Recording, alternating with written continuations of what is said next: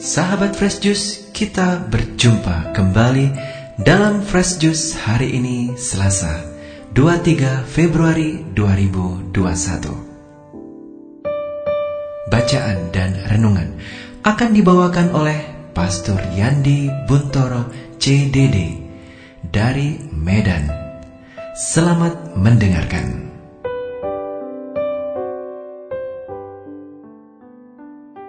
Shalom, teman-teman pendengar dan pewarta Daily Fresh Juice yang saya kasihi.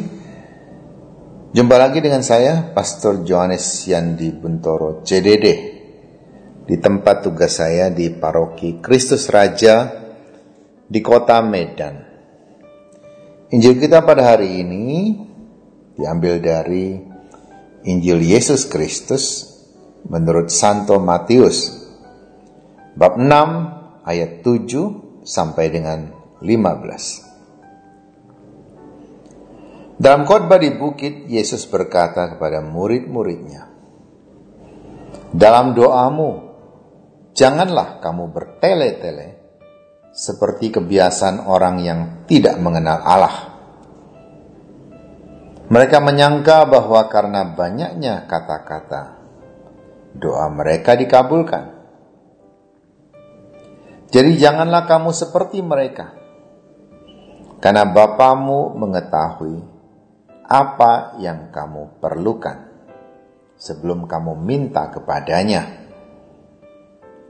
Karena itu, berdoalah begini.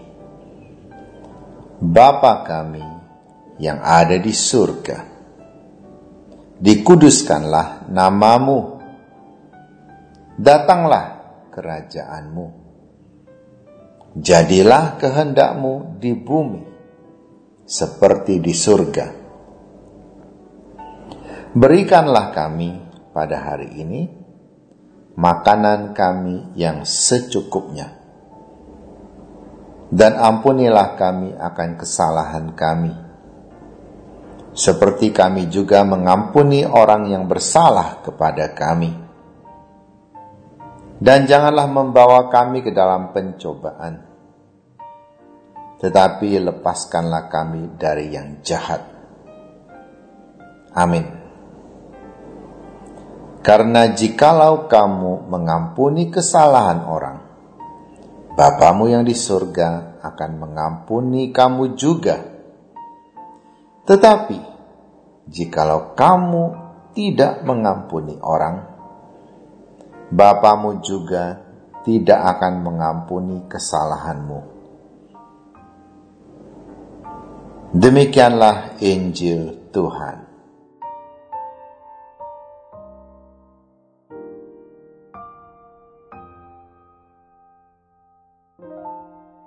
Hari ini Yesus menasihati kita semua. Kalau berdoa, jangan bertele-tele.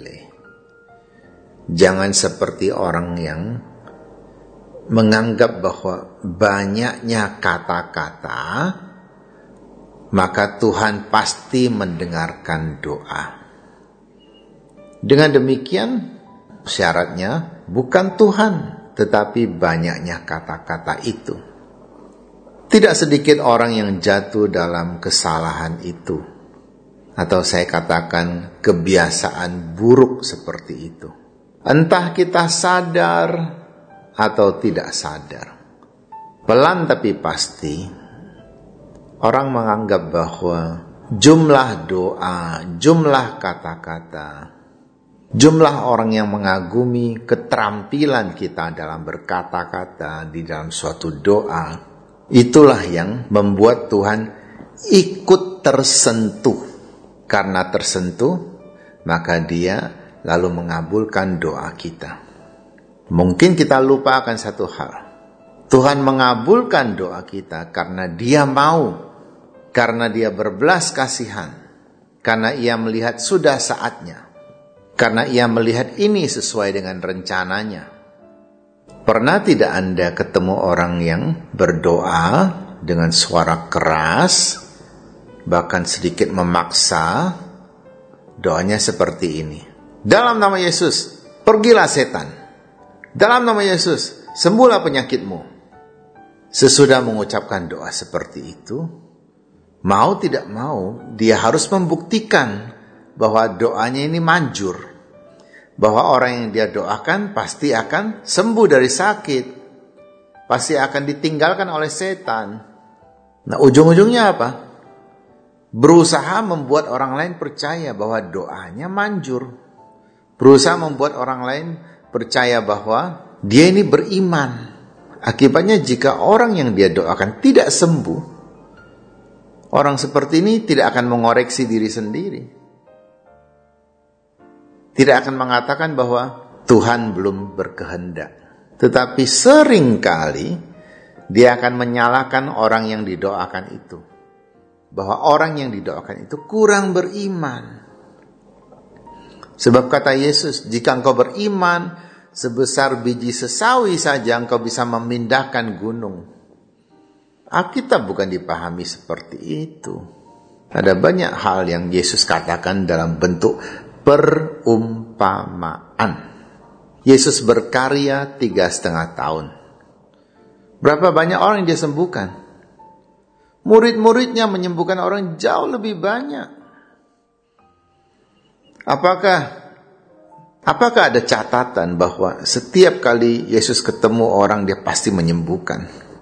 Kan tidak ada catatan seperti itu. Bahkan dia juga pernah menolak orang yang datang minta pertolongan supaya dia mengusir roh jahat dari dalam diri anaknya. Yesus pernah menolak kok. Waktu Tuhan bukan waktu manusia. Banyak sekali manusia yang pelan-pelan menganggap dirinya sebagai Tuhan dengan alasan dia lebih beriman dari orang lain. Saya pikir orang-orang seperti inilah yang dikecam oleh Yesus. Berdoa bertele-tele. Banyak orang berpikir kalau saya berdoa sembilan kali, pasti didengarkan. Kalau di antara sembilan itu ada satu yang saya lalai, mungkin terlambat, mungkin lupa, maka saya harus mengulang lagi dari awal. Itu berarti angka lebih penting daripada Tuhan yang mengabulkan doa itu. Belum lagi pesan-pesan berantai yang meminta orang berdoa berapa kali, lalu harus sebarkan kepada berapa banyak orang baru doanya dikabulkan. Itu semua omong kosong Yesus hari ini mengajar kita untuk berdoa secara sederhana, tetapi penuh makna dan juga penuh kepasrahan. Ada dua bagian dalam doa Bapa kami. Doa untuk mengharapkan agar semua manusia melihat kemuliaan Allah bukan mengharapkan supaya Allah mulia, Allah sudah mulia. Tapi supaya semua orang melihat kemuliaan Allah dan mengakuinya. Setelah mengakui, hidupnya berubah menjadi lebih baik. Inilah harapan di dalam bagian pertama doa Bapa kami. Nah, harapan kedua adalah yang berkaitan dengan kehidupan kita sehari-hari. Kita perlu makan, maka kita minta rejeki. Kadang-kadang kita berbuat salah kepada orang, maka kita minta diampuni. Tapi Yesus katakan kalau engkau sendiri tidak mengampuni orang, maka dosamu pun tidak akan diampuni. Kita sering minta ampun, tapi sendiri tidak rela mengampuni orang. Kalau demikian, percumalah kita berdoa. Karena permintaan kita tidak pernah akan dikabulkan oleh Tuhan. Kita minta supaya dibebaskan dari macam-macam pencobaan. Paling tidak diberi kekuatan supaya kalau ada pencobaan kita mampu bertahan, kita mampu menolak pencobaan-pencobaan itu. Tapi kenyataannya, apakah kita sendiri sudah berusaha menghindari pencobaan? Seringkali kita sendiri yang mencari pencobaan, membohongi diri, mengatakan, "Ah, tidak apa-apa, nanti masih bisa bertobat, masih ada waktu." Ah, tidak apa-apa, orang lain berbuat lebih jahat dari saya. Kejahatan saya ini mah tergolong kelas teri. Yang namanya kejahatan, mau besar mau kecil, itu tetap kejahatan. Yang namanya kebohongan, mau besar mau kecil, tetap adalah dosa. Yang namanya menyakiti orang, mau besar kerugiannya ataupun kecil kerugiannya, tetap saja merugikan orang. Kalau kita memang mohon supaya Tuhan menghindarkan kita dari pencobaan, hendaklah kita sendiri pun harus berusaha untuk menghindar satu kali setan berusaha mencobai Yesus. Coba engkau terjun dari hubungan bait Allah yang tinggi ini. Kan katanya malaikat akan menatang engkau di bawah, engkau tidak akan terluka. Apa kata Yesus? Setan, jangan mencobai Tuhan Allahmu. Kadang-kadang Orang jahat tidak mencobai kita, kita sendiri yang coba-coba. Saya coba-coba untuk berbuat curang. Mungkin saja tidak ada yang tahu. Saya coba-coba mengambil keuntungan dari orang lain, meskipun saya tahu itu akan merugikan orang. Mungkin saja orang itu tidak tahu bahwa sayalah biang keroknya. Itu namanya mencari pencobaan. Semoga kita menjadi pendoa-pendoa yang berpasrah kepada Tuhan. Doa Katolik itu sangat bagus, menurut saya. Sama sekali tidak ada pemaksaan. Kita selalu memulai doa kita dengan, Ya Tuhan kami mohon kepadamu. Semoga Engkau mendengarkan doaku sekarang ini ada pastor-pastor yang ketika menutup misa dengan berkat, tidak lagi mengucapkan kata semoga. Saya sedikit heran dengan cara berpikir seperti itu. Di buku tata perayaan Ekaristi jelas-jelas dicantumkan kata semoga. Itu berarti saya berharap. Apakah dengan menghilangkan kata semoga, maka engkau menunjukkan asal saya percaya Tuhan pasti dengar saya. Itu si maksa Tuhan namanya. Suka-suka Tuhan. Dia mau dengar atau tidak, suka-suka dia. Kalau memang dia berbelas kasihan, dia akan dengarkan. Bukan karena kau teriak-teriak di situ. Jadi hati-hati. Jangan sombong. Terutama jangan sombong rohani.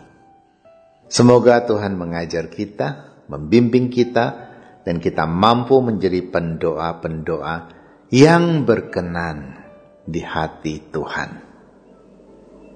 Amin.